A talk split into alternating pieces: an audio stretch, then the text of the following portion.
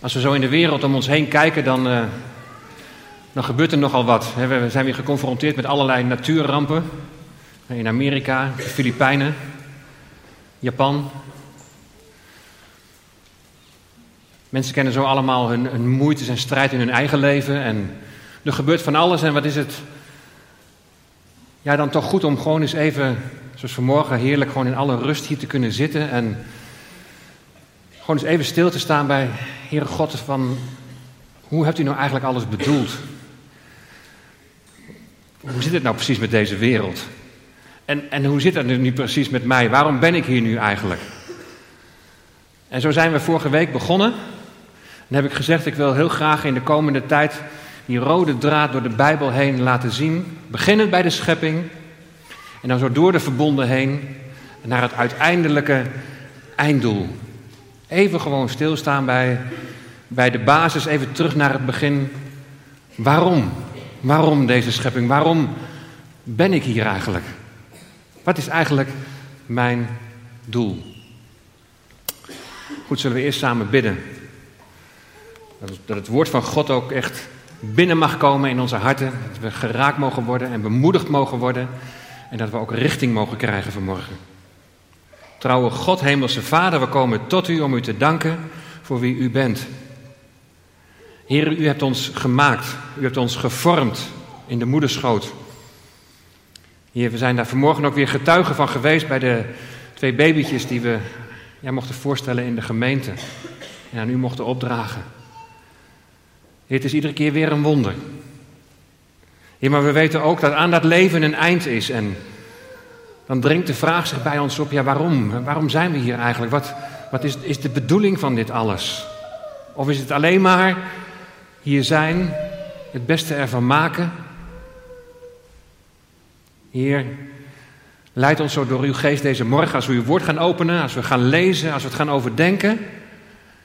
Heer, dat we daarin iets mogen gaan ontdekken van vooral wie u bent en wie u ook voor ons wilt zijn en wat uw bedoeling met ons leven is.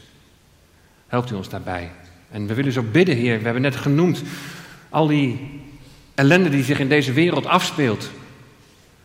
En dat zijn grootste dingen als, als overstromingen en, en, en orkanen en van allerlei dingen die, die in deze wereld zich afspelen. Dan bidden we zo, Heer, wilt u in die nood waarin mensen zitten, wilt u daarin tegemoet komen?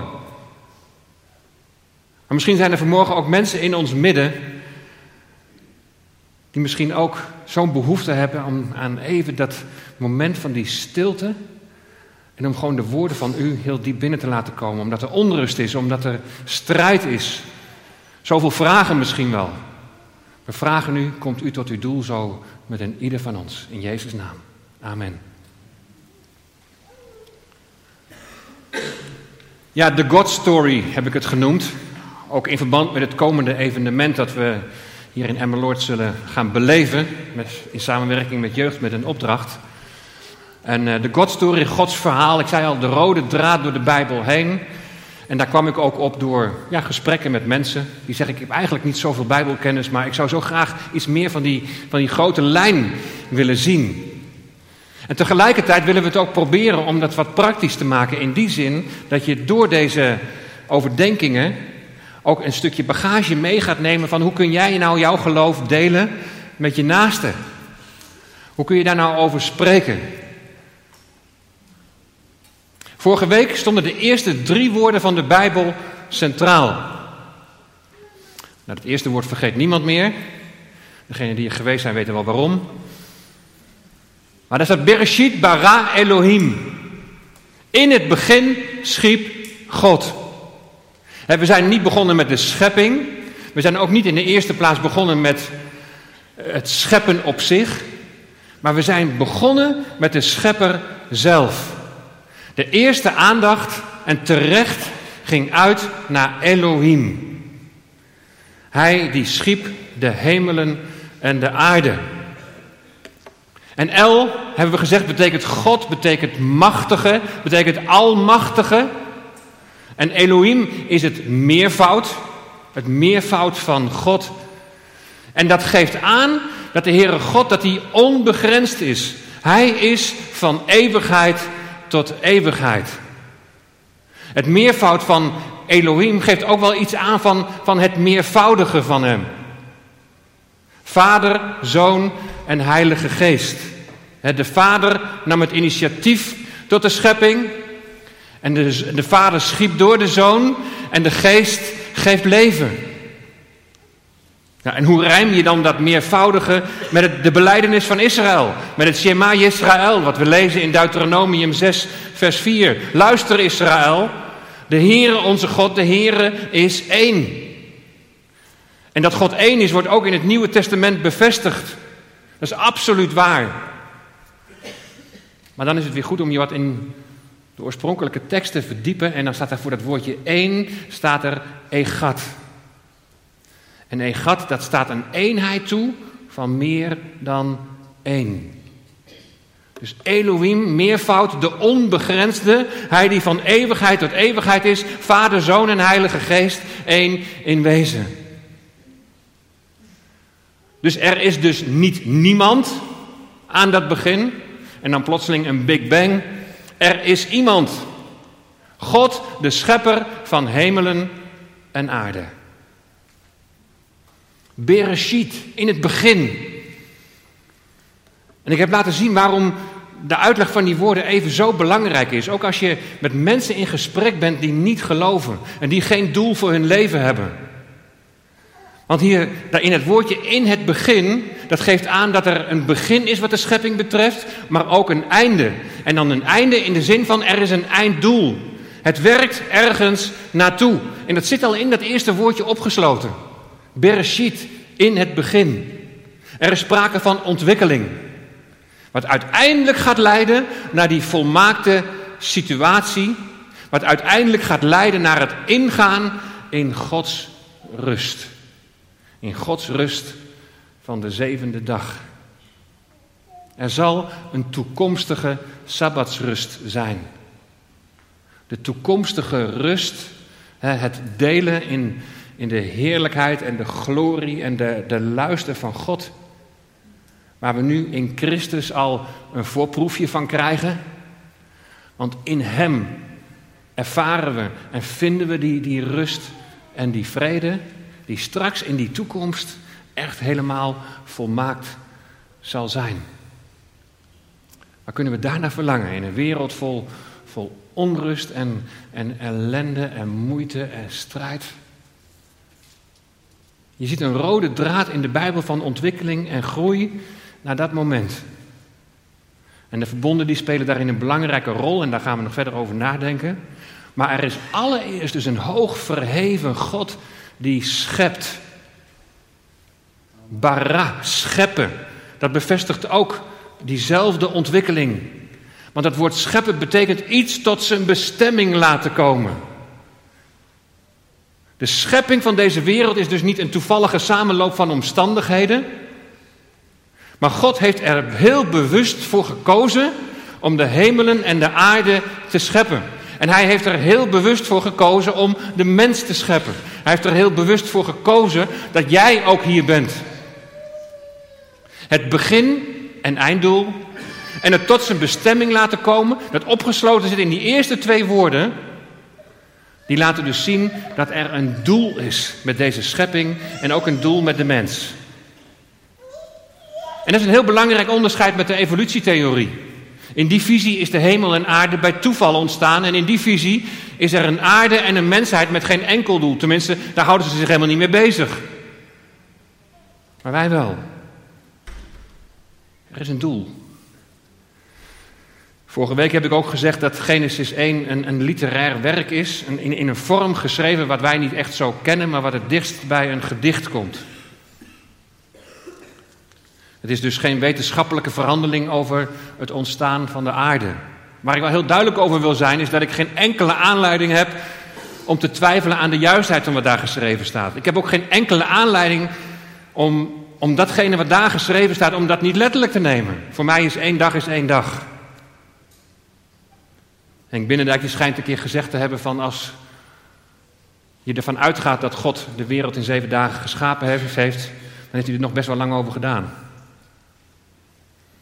Met andere woorden, twijfel niet aan zijn almacht. Waar het mij om ging is, hoe ga jij je geloof communiceren met een ongelovige?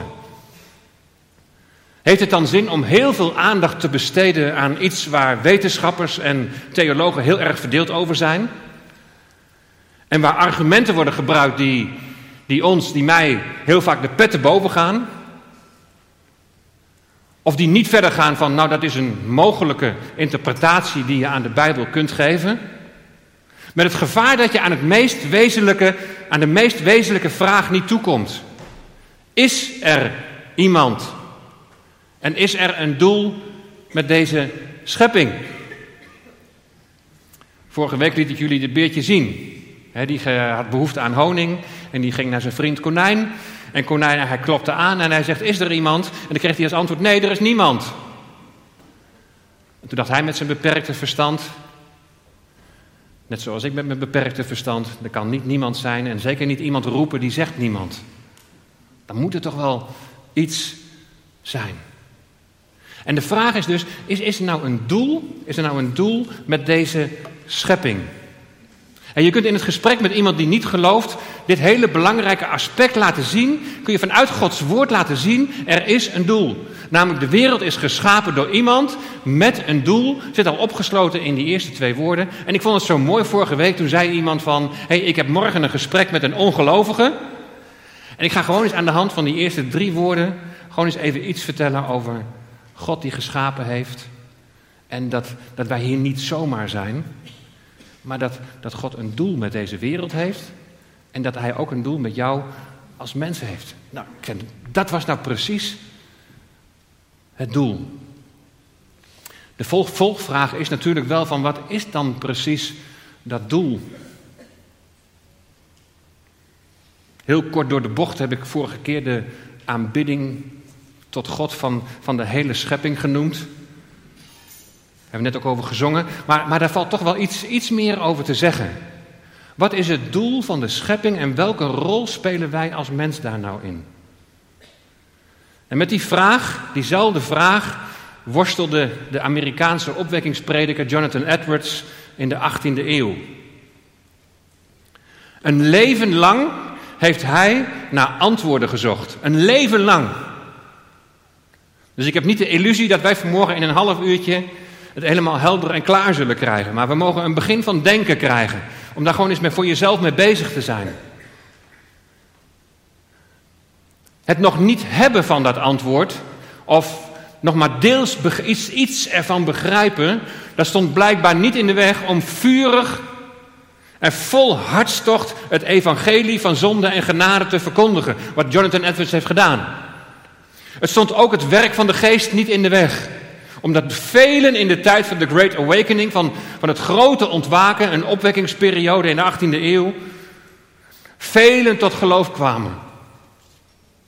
Een leven lang bezig geweest met de, met de vraag van waarom God deze wereld schiep. En misschien denk je van, had hij zijn tijd niet ergens anders aan kunnen besteden?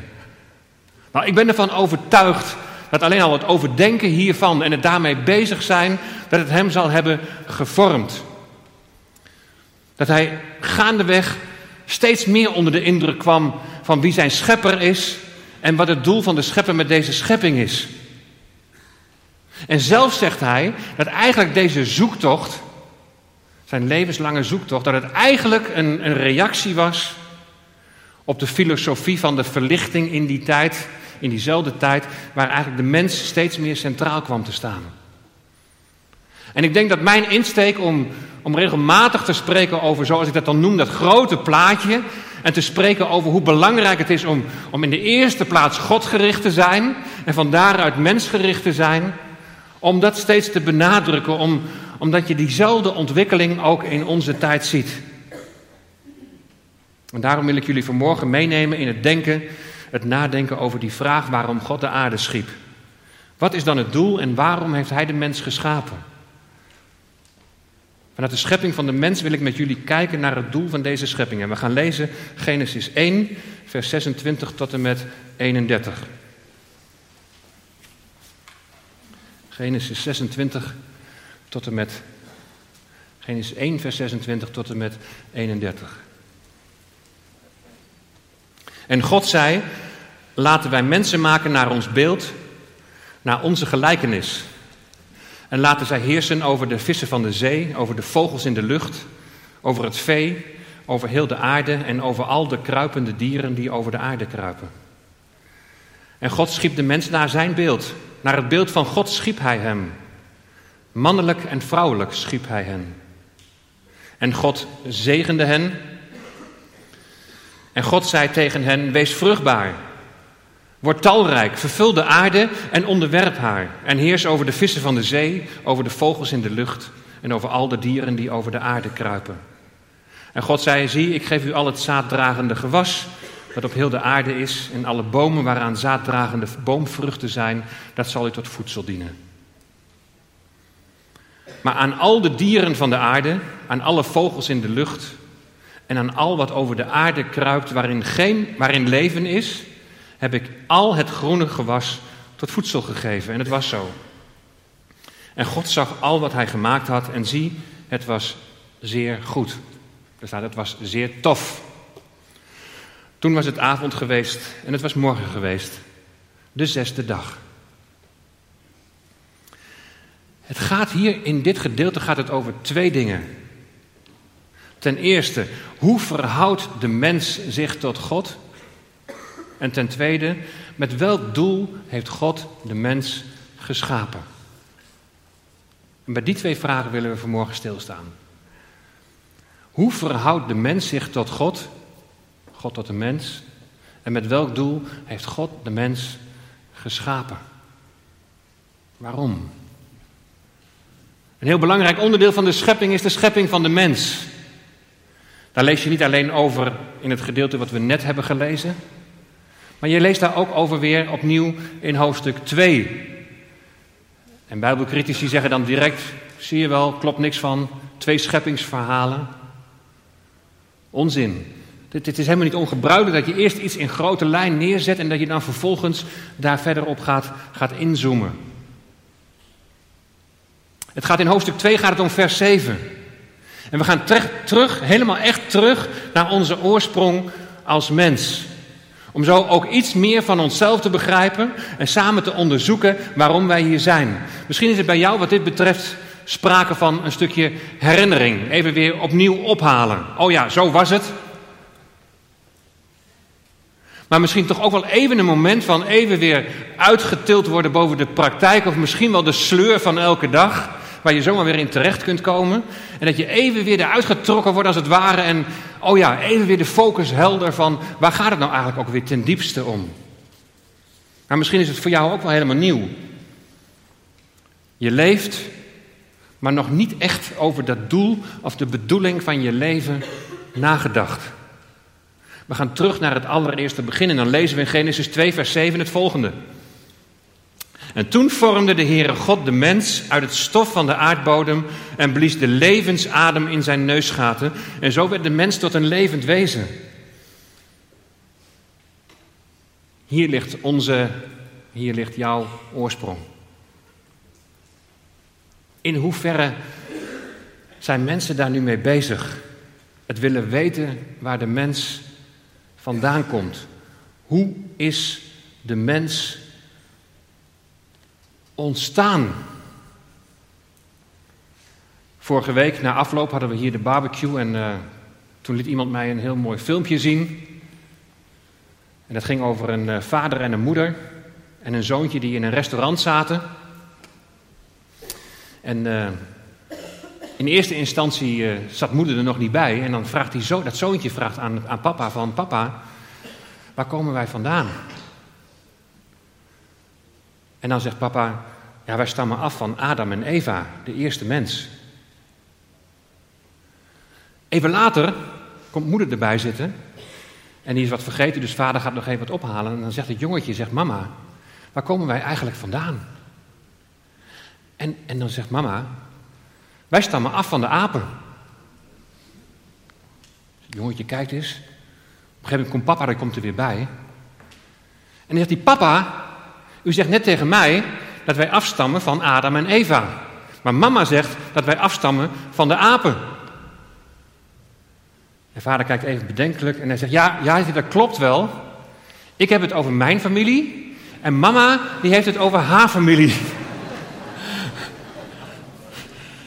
En mama die zat heel zuur te kijken van, wat overkomt me nu? Hey, hoe is de mens ontstaan?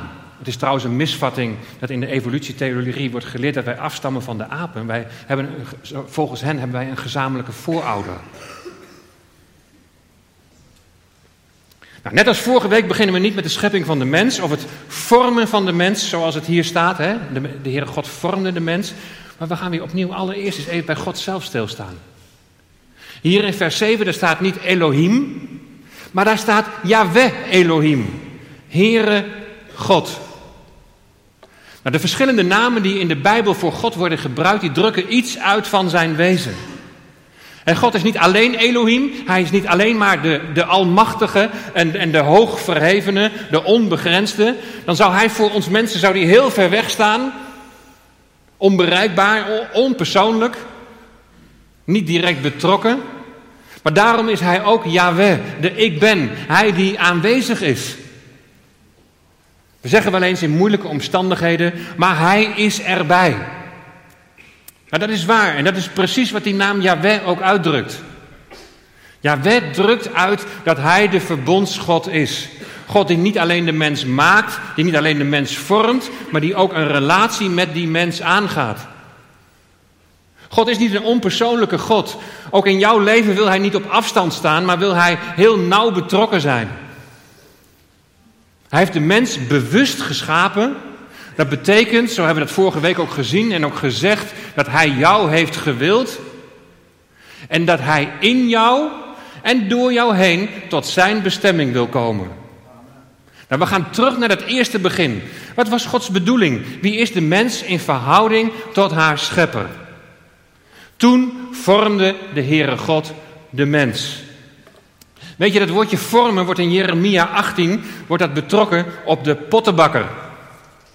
Hij is een mooie kruik aan het vormen, aan het kneden. Nou, dan moet je dat natuurlijk niet letterlijk zien, dat wij allemaal gevormd zijn uit een stuk klei. Want in Jezaja 44 wordt datzelfde woordje vormen wordt ook gebruikt voor de beeldhouwer. En waar het om gaat is dat zowel de pottenbakker als de beeldhouwer, dat dat kunstenaars zijn die bezig zijn om een kunstwerk te maken. Yahweh Elohim, de hoogverheven, de onbegrensde God, die maakt iets, die maakt een kunstwerk om daar heel nauw bij betrokken te zijn. En hij gaat daar een relatie mee aan. Heb je zo wel eens naar jezelf gekeken?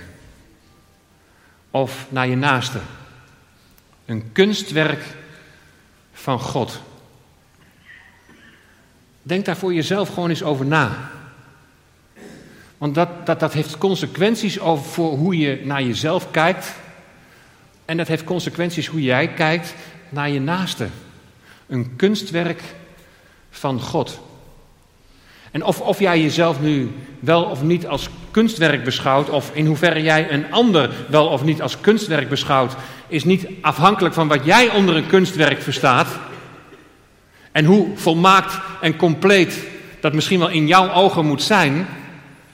Je bent een schepping van God. En Hij bepaalt dat jij, dat je naaste, dat je zijn kunstwerk bent. God heeft de mens gevormd, geformeerd. Kijk, een prachtig schilderij, die kan, zoals dat wel eens gebeurt, hè, dat, uh, dat, dat iemand het helemaal kapot maakt met een mes of daarop kliedert. Dat kan gebeuren. Dan is het in onze ogen niet volmaakt meer, maar het blijft een schilderij. En het blijft het kunstwerk. We zullen de volgende keer zien dat ieder schepsel van God en dat ieder kunstwerk beschadigd is en, en dat er herstel nodig is. Maar je bent een kunstwerk. Een kunstwerk door God gemaakt dat aan Hem toebehoort. Yahweh, Elohim, vormde de mens. Er staat voor mens in het Hebreeuws Ha-Adam. Ha-Adam, de mens. Maar hetzelfde woord wordt ook gebruikt voor de mensheid. Ook heel belangrijk om dat voor de volgende keer vast te houden. Dit is heel belangrijk, want de volgende keer zullen we zien dat Adam de eerste mens, dat hij de hele mensheid vertegenwoordigt. En deze mens, Ha-Adam, is gevormd uit stof van de aardbodem. En de aardbodem is dan Ha-Adama. Over het algemeen is men het er wel over eens dat je dit niet letterlijk kunt nemen. Je kunt je toch moeilijk voorstellen dat Yahweh Elohim ergens neerknielt, dan wat klei pakt en vervolgens letterlijk gaat boetseren en dan de neus neemt en, en, en letterlijk zijn adem inblaast. De beschrijving, gevormd uit de stof van de aardbodem, betekent de mens is stoffelijk. Op wat voor manier dan ook, het staat hier niet beschreven hoe dat precies is gebeurd, maar de mens is van materiaal gemaakt. De mens is materie, maar zijn leven is uit God. Dat is de betekenis van hij blies de levensadem in zijn neusgaten. De mens werd zo door Gods ingrijpen een levend wezen. En hierin onderscheidt de mens zich van dieren. Dieren zijn ook wel levende wezens. Maar de mens is op een unieke manier gevormd. Gemaakt. En wel doordat God in die uitdrukking het blazen van de levensadem in zijn neusgaten, als het ware iets van zichzelf in de mens legde. God legt iets van zichzelf in de mens, in dat kunstwerk dat Hij heeft gemaakt. Zie je dat de mens een kostbaar kunstwerk is. En dat door dat levengevende, dat in, in dat iets van zichzelf geven, ligt opgesloten dat Hij jouw eigenaar is. En dat jij Hem toebehoort. Ik, ik hoop dat je dit heel goed doet beseffen dat, dat een leven zonder God geen optie is. En dan hoop ik dat het leven met Hem en in relatie met Hem, dat het een verlangen van je zal zijn. In het besef dat Hij je wil leiden naar die eeuwige sabbatsrust, die rust en die vrede in Hem. In een wereld van chaos en onrust. Een rust en een vrede die alle verstand te boven gaat. Bijzonder is dat toch? God legt iets van zichzelf in de mens. Dit legt een bruggetje naar wat we eerder hebben gelezen, namelijk dat de mens is geschapen naar Gods beeld en zijn gelijkenis. En God zei: laten we mensen maken naar ons beeld en naar onze gelijkenis. En laten zij heersen over de vissen van de zee, over de vogels in de lucht, over het vee, over heel de aarde en over al de kruipende dieren die over de aarde kruipen. En God schiep de mens naar zijn beeld. Naar het beeld van God schiep hij hem. Mannelijk en vrouwelijk schiep hij hen. Hier komen we dichtbij van hoe is nou eigenlijk onze verhouding tot God? En dit is best wel een hele spannende. Wat betekent dit? Laat ons mensen maken naar ons beeld en onze gelijkenis. We weten nu wel dat voor God Elohim staat, meervoud, voor een meervoudige God, Vader, Zoon en Heilige Geest, toch weer één. En dan gaat het hier verder met het meervoud. Laten wij mensen maken. Er zijn uitleggers die ervan uitgaan dat God heeft overlegd met zijn engelen, die hij dan al geschapen zou hebben. Maar over het tijdstip van het scheppen van engelen is niks bekend. En wij zijn, wij zijn niet geschapen naar het beeld van engelen. Er zijn ook mensen die zeggen, ja, dit is een majesteitsmeervoud. Laten wij. Maar dat schijnt in het Hebreeuws in de tijd van Mozes nog helemaal niet voor te komen. Maar zoals ik vorige week al zei en ook vandaag, de Vader neemt het initiatief, schept door de Zoon en de Geest geeft leven. In zijn hele wezen is Elohim bij de schepping en ook bij de schepping van de mens betrokken. Het laten wij, laten wij, dat laat zien dat in een soort van goddelijk overleg een besluit wordt genomen. Opnieuw wordt hier duidelijk dat de mens geen toevallige samenloop van omstandigheden is. God heeft er duidelijk toe besloten om de mens te scheppen. En dan zijn we er natuurlijk naar benieuwd. Hoe zit het met die verhouding? Laat, laten wij mensen maken naar ons beeld en onze gelijkenis. Dan wordt dat direct gevolgd door laten de mensen dan heersen over de vissen van de zee, over de vogels in de lucht. Met name het heersen over, over heel de aarde en over de kruipende dieren. Dat de mens beeld van God is, dat betekent in mijn ogen dat, dat, dat de mens God op aarde vertegenwoordigt. De hele schepping die is onderworpen aan God, die in de hemel troont. En op aarde is de mens die zijn beeld is, dus die hem representeert, die hem vertegenwoordigt en die de macht van God over de schepping tot uitdrukking brengt. De mens als het ware geroepen om Gods regeringswerk uit te voeren hier op aarde. En goed voor deze aarde en deze schepping te zorgen. Zo is de mens geschapen naar Gods beeld. De mens is zijn vertegenwoordiger hier op aarde. Dat wij geschapen zijn naar Gods beeld heeft natuurlijk niks te maken met ons uiterlijk. God is geest. God heeft de mens als kunstwerk gemaakt, jou als kunstwerk gemaakt en hij zag dat het zeer goed was. Zoals ik al zei, hij zag dat het zeer tof, zo staat het er, zeer tof was. En dat Hebreeuwse tof betekent niet dat alles helemaal in perfecte staat is. Adam die was voordat hij in zonde viel, was hij wel onschuldig. Maar hij was nog niet heilig en rechtvaardig zoals wij dat nu in Christus zijn. Daarom kon hij ook die fout maken. Zo zie je ook hoe in dit opzicht de schepping in ontwikkeling is. Tof betekent goed in die zin dat het geschapene, dat het, geschapene, dat het goed is tot het doel waarvoor het geschapen is. Om God te vertegenwoordigen hier op aarde. Om dat goed te kunnen doen, is de mens ook geschapen naar zijn gelijkenis. De mens kan denken, die kan kennen, die kan willen, die kan, kan besluiten. En die, die eigenschappen zijn een afschaduwing van Gods eigenschappen. De mens heeft een zelfbewustzijn, heeft verstand, heeft een wil gekregen, heeft creativiteit, heeft besef van tijd en eeuwigheid en alles wat verder bij een persoon hoort. In die zin is de mens naar zijn gelijkenis geschapen. Als we dit zo allemaal op ons in laten werken, dan is er geen ruimte om te geloven dat wij met apen een gezamenlijke voorouder hebben. We zullen zoals gezegd de volgende keer zien dat het kunstwerk van God is beschadigd doordat de mens zich liet verleiden en niet langer op God vertrouwde. Dat doet iets met het geschapen zijn naar zijn beeld. Dat doet iets met het beelddrager zijn van God. Het hem vertegenwoordigen hier op aarde. En de een die zegt dat je als gevolg van die zonde van Adam geen beelddrager meer bent. En de ander die zegt dat je dat nog wel bent, maar dat dat beeld behoorlijk beschadigd is. Nou, het is minimaal dat laatste. En het is duidelijk dat het kunstwerk hersteld moet worden. Opdat het kunstwerk weer mag beantwoorden aan het doel waarvoor het gemaakt is. En zo komen we, net als de vorige keer, komen we bij het belangrijke scharnierpunt, zoals ik het heb genoemd. Dat een totale omwenteling en dat een totaal herstel geeft. En dat is Jezus Christus.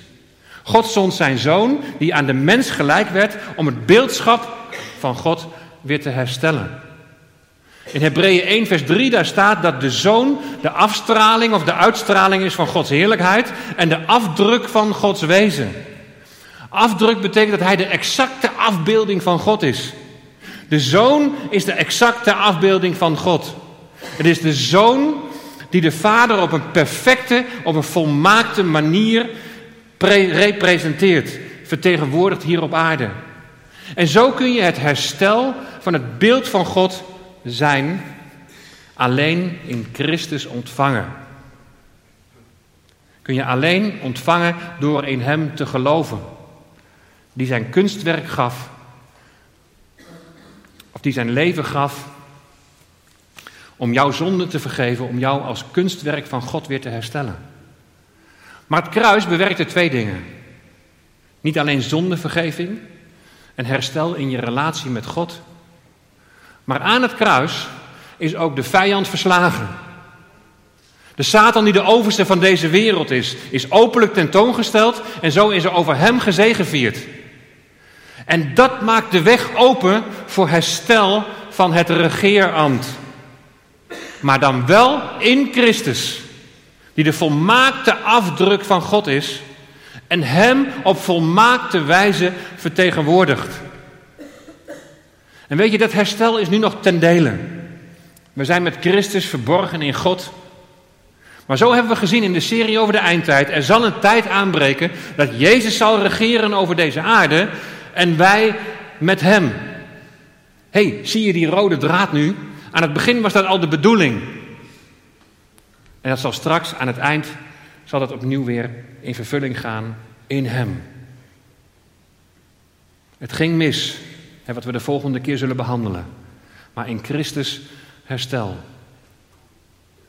Maar waarom die schepping van de wereld? Waarom het doel voor de mens om God te vertegenwoordigen? Jonathan Edwards had er een leven lang voor nodig om hier licht over te krijgen. En de aantekeningen die hij jarenlang hierover maakte, die zijn op het laatst van zijn leven uitgegroeid tot een boek.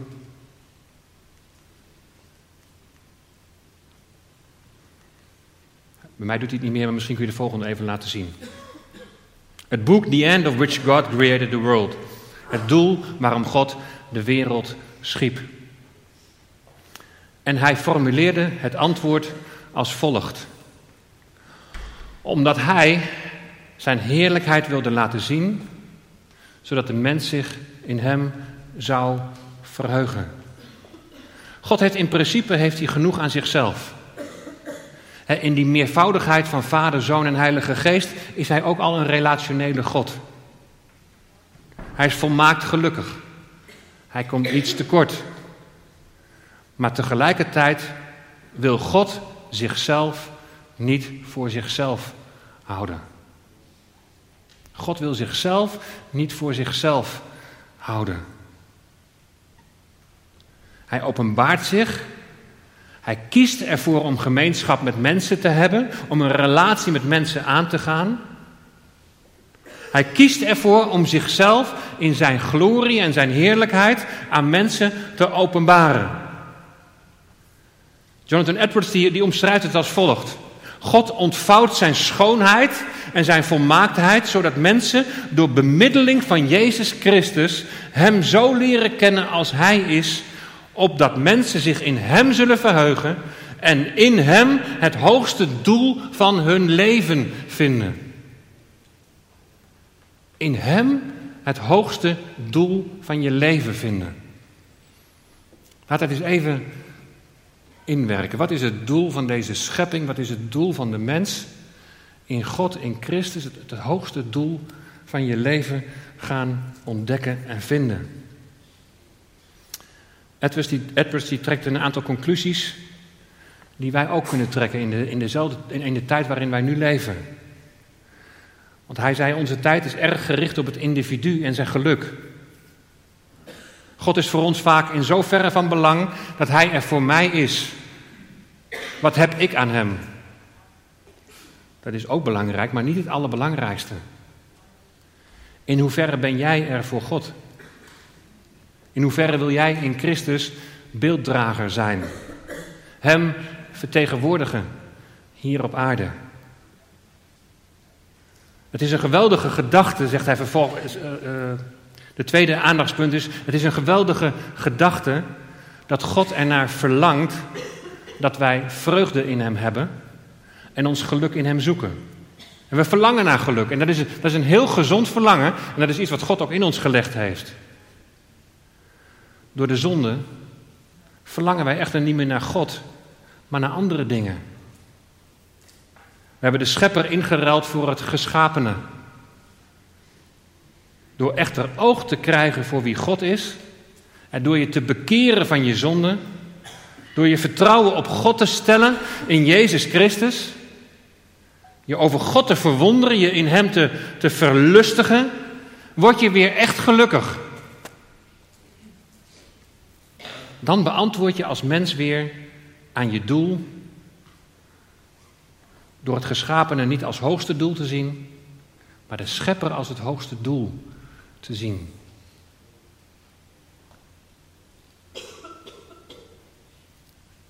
Yahweh Elohim, hoog verheven. En toch tegelijkertijd zo dichtbij. Zie je hoe belangrijk het is als jij je geloof communiceert voor jou, dat er voor jou, dat er iemand is? Dat hij, Yahweh Elohim, de schepper boven de schepping verheven is. Zie je hoe belangrijk het is als jij je geloof communiceert, dat je kunt zeggen dat God met jou een doel heeft. Om je in Hem te verheugen en te delen in, in Zijn heerlijkheid en glorie. Om Hem te vertegenwoordigen hier op aarde en, en goed voor de schepping te zorgen. God heeft een mens gemaakt met een doel. Met het doel dat wij Hem dienen. Hoe is ons leven? Hoe is misschien wel de, de sleur van ons dagelijkse leven? Alle dingen waar we zo druk mee bezig kunnen zijn. Waar vinden we onze echte vreugde en onze echte blijdschap in? Het klinkt misschien heel abstract. Je vreugde en je blijdschap vinden in Hem en Hij Hem als hoogste doel zien. Daar mogen we in groeien. Door in relatie met Hem te leven. Door Gods woord te lezen en te ontdekken. Door te bidden. Door de Heer te loven en te prijzen als we samen zingen. Maar hebben we ook als, als we samen een lied zingen. Hebben we dan ook dat besef van, we, we willen dat doen vanuit het besef van, Heer, we zijn uw dienaren en u hebt ons geschapen. En u hebt ons geschapen om met u te regeren. En voor deze schepping te zorgen. En dat u tot uw hoogste doel kunt komen.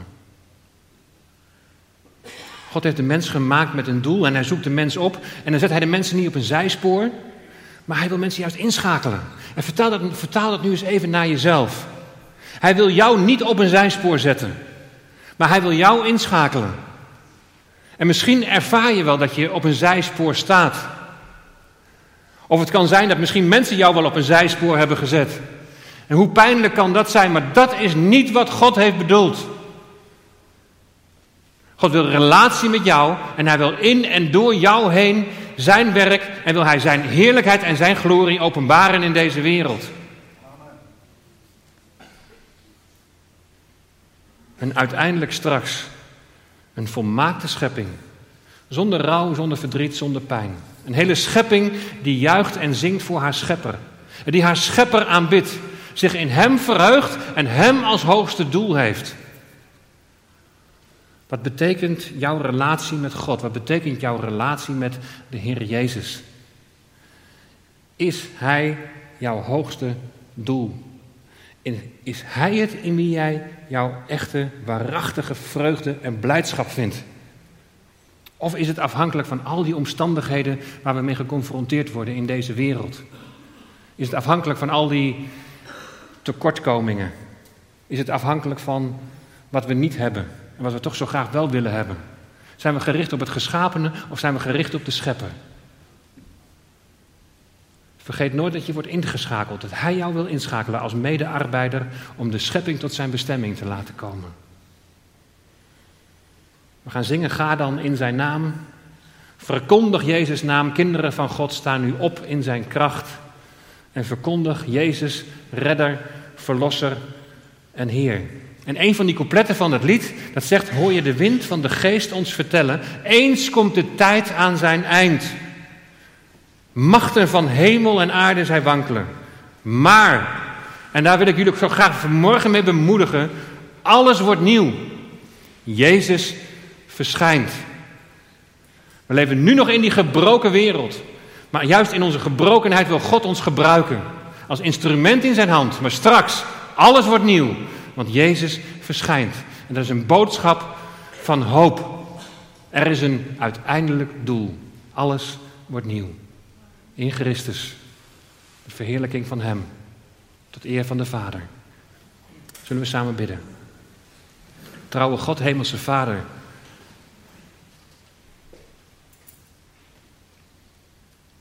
U bent Yahweh Elohim. Hoog verheven en zo dichtbij. U hebt deze aarde, u hebt de mens geschapen met, met een doel. En we, we kunnen er nog maar iets van, iets van pakken en iets van begrijpen. Maar het bepaalt ons er in ieder geval bij dat ons leven niet bedoeld is om te leven voor onszelf en alleen maar op het materiële gericht te zijn, op het geschapene, Maar u hebt ons geschapen opdat wij mogen ontdekken dat u het hoogste doel bent. Dat we ons in u zullen verheugen. Heer, ik bid u dat, dat onze relatie die wij met u hebben door onze Heer Jezus Christus, dat die diep verankerd in ons leven mag zijn. Dat we daar onze blijdschap en vreugde aan zullen ontlenen. Heer, help ons groeien. Groeien dichter naar u toe. Help ons groeien, Heer, door het kennen van uw woord, Heer, waarin u uzelf openbaart en laat zien. Straks wordt alles weer nieuw. Heer, het leven kan zo weer barstig zijn. Strijd. Natuurrampen hebben we al genoemd. Er kan ons van alles overkomen. En Heer, dat, dat, dat vegen we niet zomaar even weg. Dat is ook de realiteit van het leven. Maar Heer, wat is het dan voor ons in ieder geval bijzonder? Dat we door het geloof in U, als het ware, daar, daarboven uitgetild mogen worden. En ons, zoals Klaas Hesse al begonnen over, over vertrouwen deze morgen, dat we dan, dan gewoon ons vertrouwen in U mogen stellen en ook willen stellen. We willen op U vertrouwen, Heer, dat U tot uw doel komt. Met deze schepping. Dank u wel, Vader, voor uw liefde, voor uw trouwen, voor uw genade. Dat u ons opgezocht hebt. En dat we hier niet zomaar zijn. Geprezen zij uw naam. Amen.